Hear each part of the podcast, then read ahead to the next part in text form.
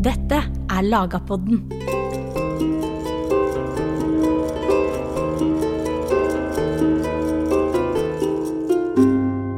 Hva samfunnsideologi preger Norge på 1200-tallet?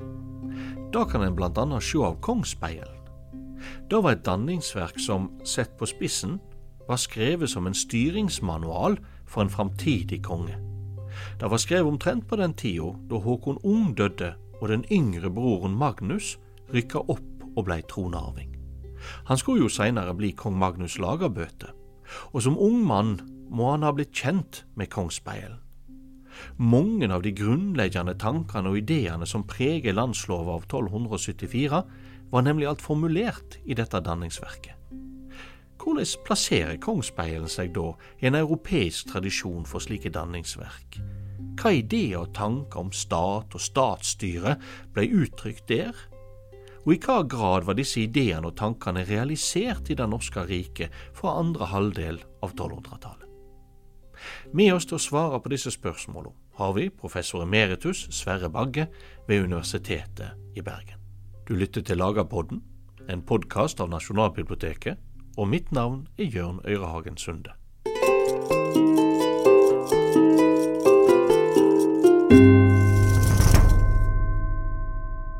Sverre, la oss begynne med det helt sånn grunnleggende.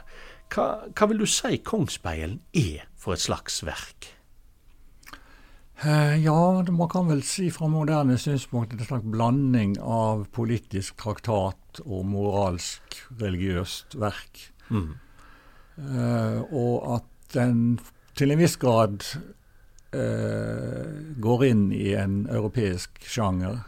Men like, og en del av ideene er jo felles europeiske, men som verk er den egentlig nokså egenartet i forhold til eh, det som kalles fyrstespeil mm. i Europa, og som det er en del av. Ikke så veldig mange eldre enn selve kongespeilet, flere i tiden etter. Mm.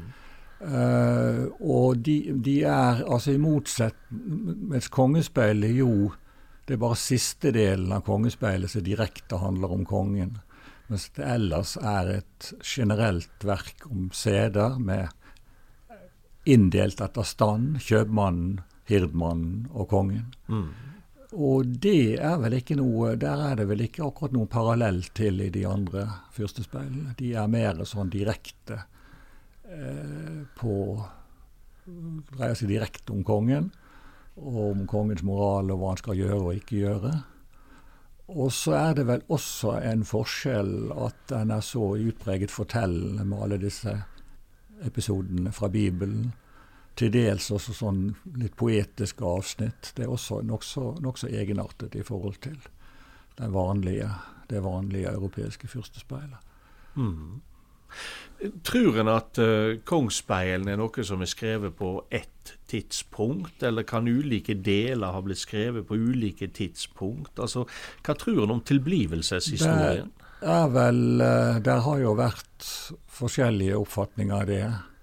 Uh, min egen oppfatning er at det er skrevet som et enhetlig verk. Mm.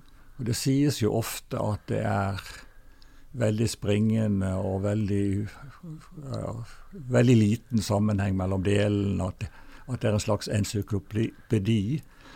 Eh, men det skyldes vel egentlig bare at man ikke har lest det skikkelig. Okay. Eh, fordi, altså Selvfølgelig, det står om det står om solen og jorden og uh, rare dyr i Atlanteren og på Grønland og, og, og sånne ting. Mm. Og, og, bibelske episoder. og Så tilsynelatende så er det riktig at det er veldig springende og veldig forskjellig og veldig variert. Men likevel så er det en sånn grunnleggende tråd i det hele som mm. går på ja, en slags blanding av moral og politikk. Altså poli politikk sett fra et moralsk synspunkt. Hvordan samfunnet skal styres etter Guds lover. Mm. Og dette med at naturlæren spiller en stor plass, det går jo nettopp på Det har jo nettopp sammenheng med dette at Gud styrer naturen. Og på samme måte som Gud styrer naturen, skal kongen styre samfunnet. Mm. Så naturlæren blir også et eksempel for kongen. Nettopp. det hersker en orden i naturen, og der er, ja, der er en orden og et hierarki i naturen. Og den, den orden og det, det hierarki, det skal kongen gjennomføre i samfunnet. Og dette med orden er jo sentralt. fordi iallfall Kongsspeilen framstiller seg sjøl som et verk som tar konsekvensene av den kaos og uorden som mm, preger under borgerkrigene, ja. og på en måte legge grunnlaget for den orden som skal sikre stabilitet og fred i samfunnet. Ja, Nettopp, nettopp, ja. ja. Eh, kan du si litt mer om dette grunnleggende temaet, dette ordenstemaet? For det første, overdriver forfatteren av Kongsspeilen, var eh, borgerkrigene så Skapte de så mye kaos som han framstiller det som, eller er det en slags eh, propaganda for å forberede folk på sterkere styring og ei sterkere kongsmakt? Ja. ja, nå kan man jo diskutere hvor hvor eh, dramatiske og omveltende og sånt eh, borgerkrigene var, hvor mye uro de skapte. Mm. Eh, og det er vel kanskje slik at ja eh, hvis man, Det kommer jo litt an på hva man sammenligner med. altså Hvis man klar, sammenligner med moderne krig med moderne våpen, og sånt, så var det jo forholdsvis beskjedne. Antagelig så veldig mange som ble drept under borgerkrigene. Og man kan vel også si at det var en viss sånn gentlemanslig opp, oppførsel. At man, ja, man, man, tok fang, man, tok fanger. Man drepte ikke nødvendigvis alle fiender, for av og til gjorde man det, men, men, veldig ofte så var det jo sånn at man utvekslet fanger, og, mm. og at man hadde en viss sånn uh, visse regler for hvordan dette skulle foregå. Og at det var uh, ja, det var antagelig ikke så forferdelig mye herjing og plyndring og sånne ting som, som i kriger mange andre steder. Mm. Så, uh, men det er klart at det har jo, altså hvordan man oppfatter det, har jo en del med øynene som ser. Mm. Uh, og man kan si altså forfatteren av 'Kongespeilet' som altså skrev dette en stund etter at borgerkrigene var slutt, mm. men samtidig advarte mot at noe slikt kunne skje igjen. Han var opptatt av å vise hvor forferdelig og kaotisk dette var, og motsetningen til den rette orden. Mm. Kan du si noe om når Kongsspeilen sannsynligvis ble skrevet, og ikke minst altså dette her, hvem er forfatteren? For verket framstår jo som anonymt. Ja. Nei, altså Når det gjelder forfatteren, og man har jo gjettet på forskjellige personer, det mener jeg er fullstendig bortkastet. Okay. Ingen, vi vet ikke hvem forfatteren er, og vi vil aldri få vite det. Mm. Og, og, Hovedgrunnen er jo at alle de som er nevnt som forfattere, de har ikke skrevet en linje som, vi har, som er bevart. Ja. Så vi, for, altså Den viktigste måten å identifisere en forfatter på, er jo nettopp gjennom stilen. Mm. Og i og med at eh, at vi ikke har noe sånt sammenligningsgrunnlag, ja. Eh, så er det bare løse spekulasjoner. Nettopp. Men tidspunktet? Men tidspunktet ville nok si at mest sannsynlig 1250-årene. Okay. Det er etter borgerkrigene, men mm. såpass at man har det i nokså klar erindring. Mm. Eh, der er vel et par Jo, noe med tronfølge altså Mye av dette diskusjonen om tronfølgen mm. eh, Der vet man fra Håkon Håkonssons saga at det var en diskusjon om det i midten av 1250-årene, før kongens eldste sønn døde. Det var mm. spørsmål om den forholdet mellom den eldste og den yngste sønnen. altså 12, Han døde i 1257, den eldste, Håkon. Ja.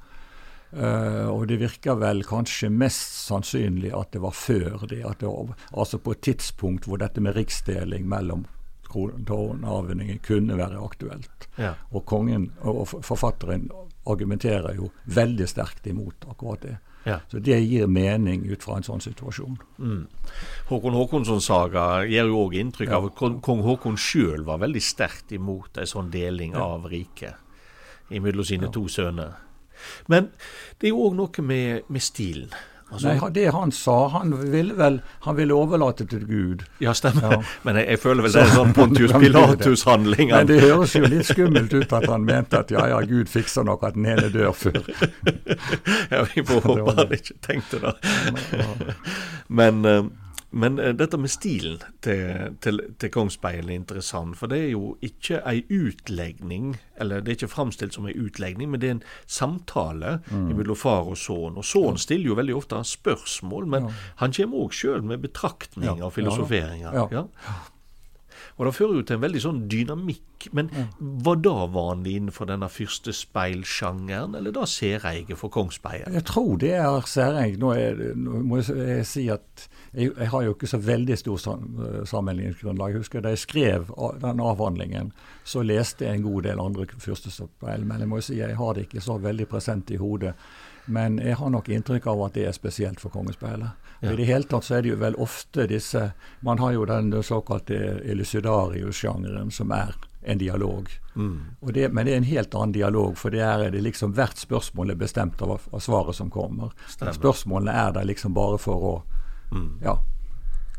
Hvor på når skapte Gud verden? Hvor lang tid brukte han på å skape verden? Ja, ja. Uh, hva skjedde da etter, etter han hadde, med Adam og Eva? etter han, og man vet, altså Har man lest Bibelen, så vet man med en gang svarene på alle spørsmålene. Ja, Mens i, i, i Kongespeilet så er det en virkelig dialog.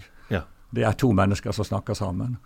Uh, og, og uh, til og med sånn så en gang så får sønnen påpakning for at han ikke har spurt klokt. og, og, og, det er også sånn at, at sønnen liksom, og sønnen føler, har oppfølgingsspørsmål. Så det er, det er i iallfall i store, store deler av verket så er det en, får man inntrykk av at det virkelig, er en virkelig samtale som gjengis. Mm. Og Det gjør jo òg at verket har rene litterære kvaliteter. Ja, ja eh, og med et øyeblikk så skal vi høre mer om selve innholdet i verket.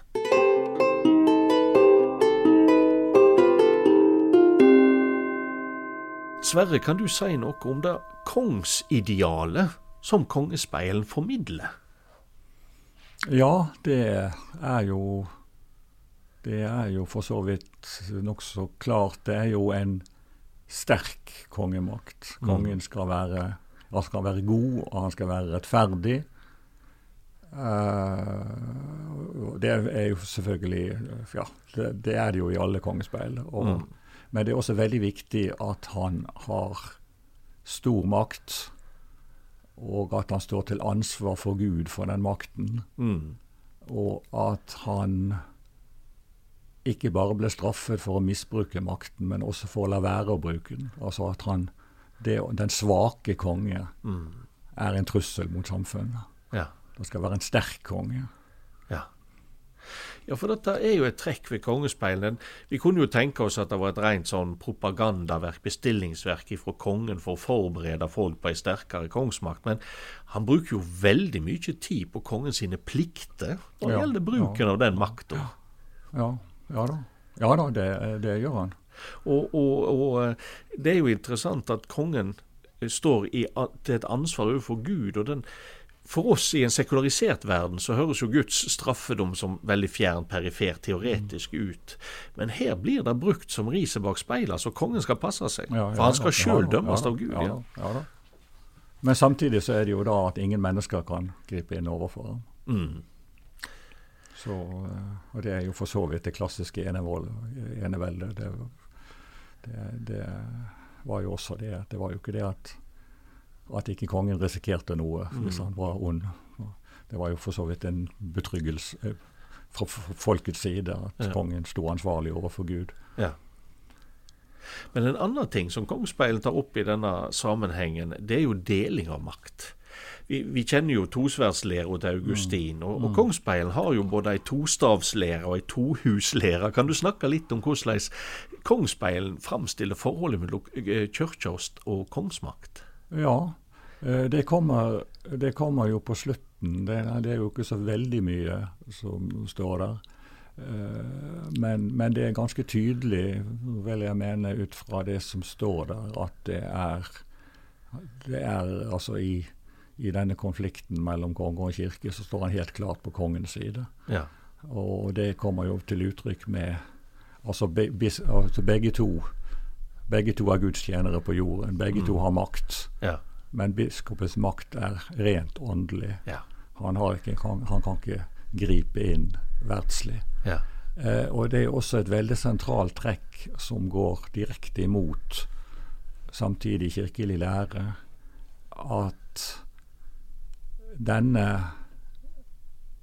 det, det, forholdet mellom konge og kirke var fastsatt allerede i Det gamle testamentet. Og Det gamle testamentet har ut, og derfor antagelig iallfall en av grunnene til at det er så veldig mye om Det gamle testamentet. Ja. Eh, og det var jo et eh, det var jo en, et strittpunkt i samtiden ja. om forholdet Hvor mye det, det nye testamentet forandret. Ja.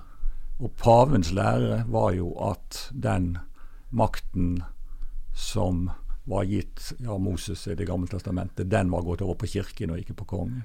Ja.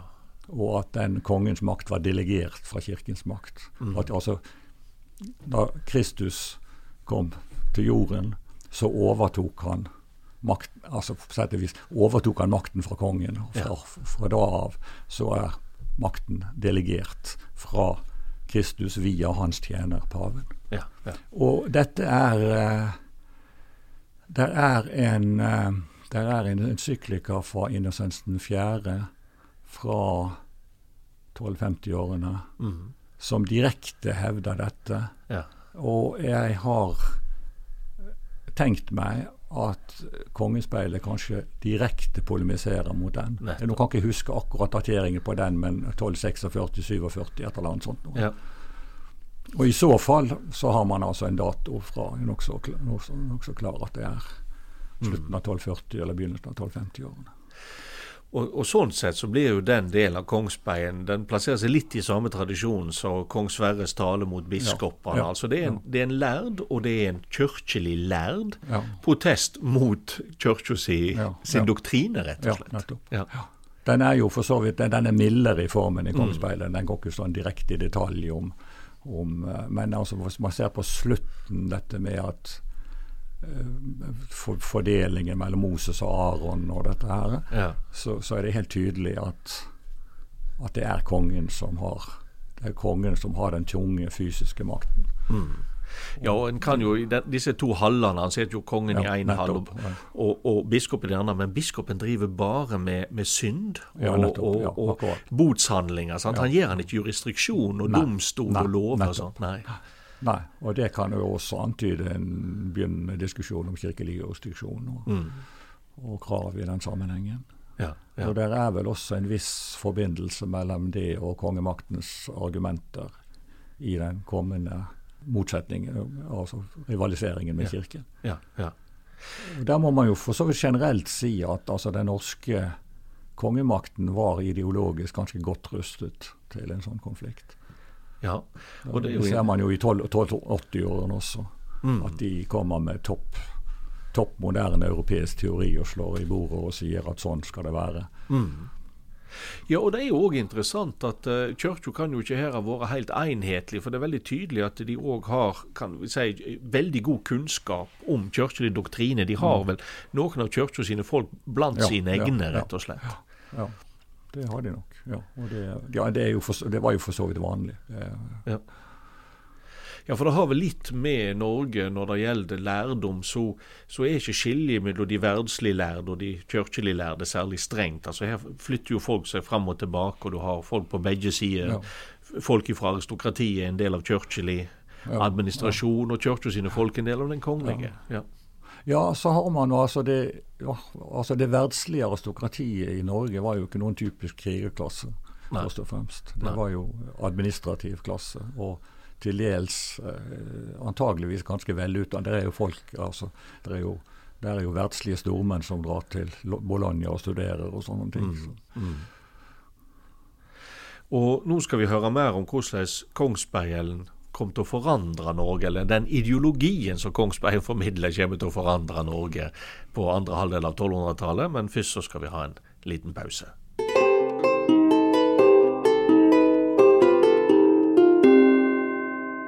Nå har vi hørt mye om hvordan Kongsbein ble til, og hva type ideologi den formidler. Men så er jo spørsmålet hvordan kommer den til å forandre Norge? Og En måte er jo at den ideologien blir videreført i landslov av 1274, da kongsbildet blir formidla der.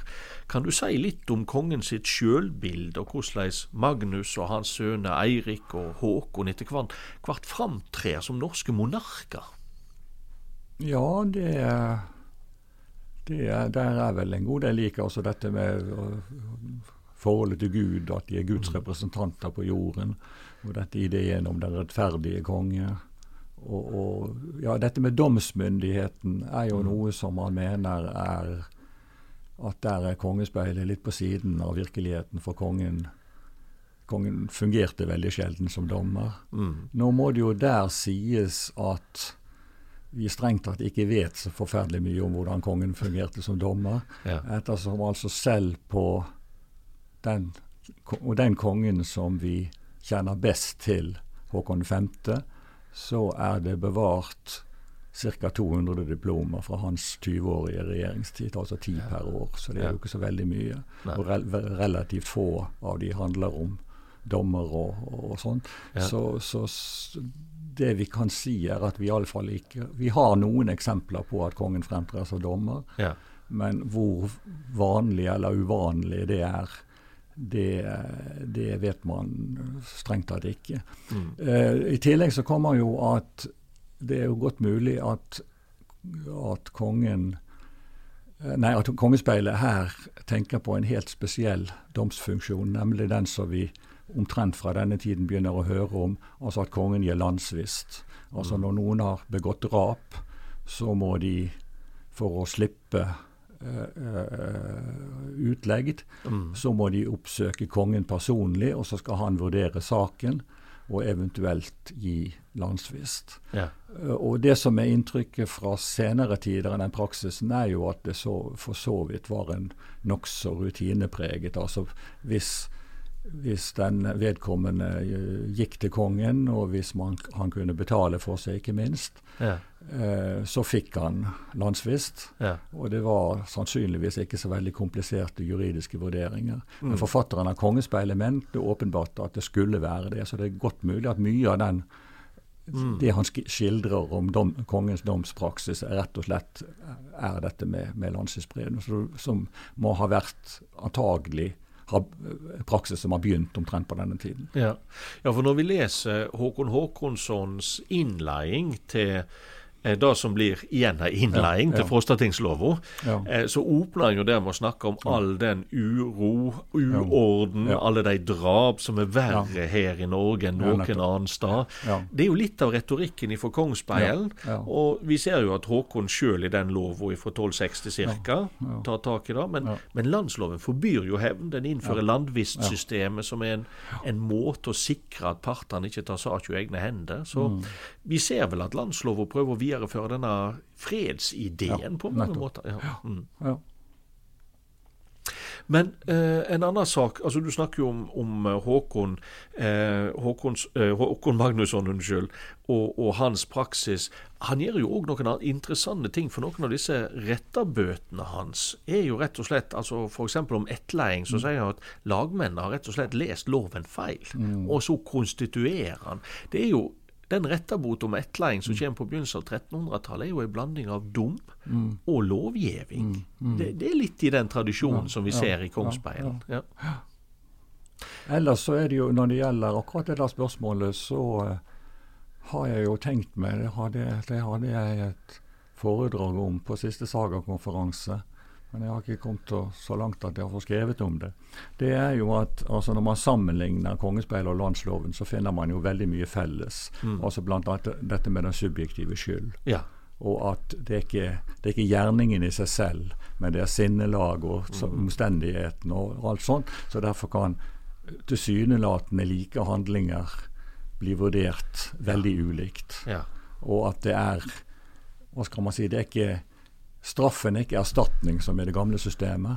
Mm. At du skal ha kompensasjon for den skade du har lidd, men det er, det er gjengjeldelse for ja. mer, en mer eller mindre ond handling. Ja. Og, og, hele denne her he, hele den, disse resonnementene om nesten, nesten, alle eksemplene i Kongespeilet går jo på dette med ja. ja, hva er egentlig når Gud dømmer rettferdig, hva er kriteriene, mm. og hvorfor skal Og så sier sønnen altså tilsynelatende så ja, David og, David og Saul gjorde ja, Hva var det som gjorde at Gud benådet David og ikke Saul, og, og altså handlinger som mm. kan ja,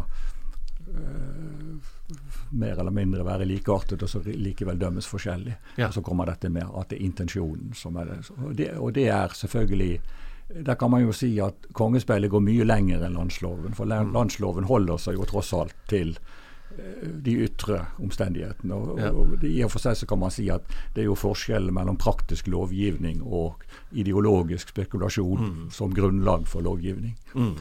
Eh, men det er jo én ting som også skiller, nokså klart skiller. Og det er jo at landsloven har jo stort sett ikke dødsstraff. Den nevner sånn indirekte at når noen skal straffes på liv og lemmer og sånt, men det er, iallfall, det er helt perifert. Og selv drap kan, bøt, kan, bø, kan det bøtes for. Ja. Mens kongespeilet insisterer jo på den dødsstraffen. Ja. Og, og, og sier jo at sønnen sier det er jo fælt å drepe folk og sånt. Ja, sier, sier eh, så- det, men, men det er mye bedre for disse menneskene at de lever, lider i dette livet enn de lever. De, de, de skal lide evig i det neste liv. Ja. Ja. Og dødsstraffen er i virkeligheten en velgjerning, og veldig mange av eksemplene går på dødsstraff. ja. Og, og, um, så jeg oppfatter egentlig Hvis man da tenker seg at dette ble til la oss si i slutten av 1250-årene, Ja. da lovgivningsarbeidet foregikk, Ja. så kan man tenke seg forfatteren av en kongespeilet som en hardliner Ja. som vil ha mye strengere straffer enn enn det som blir resultatet. Ja, for landsloven opererer jo bare med dødsstraff i samband med tjuveri. Ja. Og da flergangstyveri. Det må, iallfall- være andregangstyveri. Ja, ja. Og som du sier, hele dette landvistsystemet er jo et system egentlig for å finne den rette bota Ja. for et drap. Ja. Som jo ikke egentlig fører til, til dødsstraff i det hele tatt. Og, og dette her òg med den subjektive skyld, det er jo kjempeinteressant. Ja. Fordi landsloven gjennomfører jo det, men med modifikasjoner, som du sier. Og det viser vel også at landsloven egentlig er et kompromiss Ja, imellom ja, ja. ulike Ja, ja, innspill, ja, der ja. Kongsspeilen sin forfatter er én. Ja, ja nettopp. Ja. Ja, da. Ja, da. Og, og man kan vel i og for seg si at at det var bra at eh, landsloven gjorde som den gjorde. altså det, det, I og for seg ja. var det eh, en mer fornuftig løsning på, Ja. på problemene enn det eh, forfatteren av Kongespeilet sto for. Ja, ja. Og så er det jo interessant, den, den siste delen av Kongespeilet er jo, som du sier, veldig my- mynta på dette å differensiere, altså skilje mellom tilsynelatende like handlinger. Og jeg må jo innrømme at det, det er ikke alltid vellykka. Når det gjelder Guds uh, dom over David og Saul, så jeg, ser ikke jeg den forskjellen som Nei, forfatteren nei, ser. Nei, nei. Men igjen, da. Eh, når alle disse bibelske bildene er så viktige, og Salomon er jo selve idealkongen Det er ikke David, det er Salomon som er idealkongen. Er, er det en er det en geistlig som har skrevet dette, egentlig, eller hva tenker du? Ja, det vil jeg mene at det er sannsynlig at det er en geistlig som har skrevet det. For uh, altså, med, med all den bibelkunnskapen bibelkunnskapen og, og ja, altså Nå er han jo ikke han er jo ikke i og for seg noen lærd teolog i sånn samtidig uh, europeisk eh, sammenheng. Men allikevel så vil jeg jo mene at, at det er det er mest sannsynlig at han er geistlig, ja. Det, Ja, det vil ja. jeg tro. Men selvfølgelig, det var jo mange altså Sverre hadde jo geistlige på sin side hele, Ja, hele tiden. ja. ikke sant? Så det er ikke uh, At man er geistlig behøver ikke nødvendigvis at man står, at, Nei. være at man står på, på pavens side i, i konflikten med, med kongemakten. Mm. Men da, Sverre, skal du ha tusen takk for at du har vært med oss og så snakka om Kongspeil. Takk for at du kom. Jo, takk, takk i like måte. Det var hyggelig å få anledning til å snakke om kongespeilet.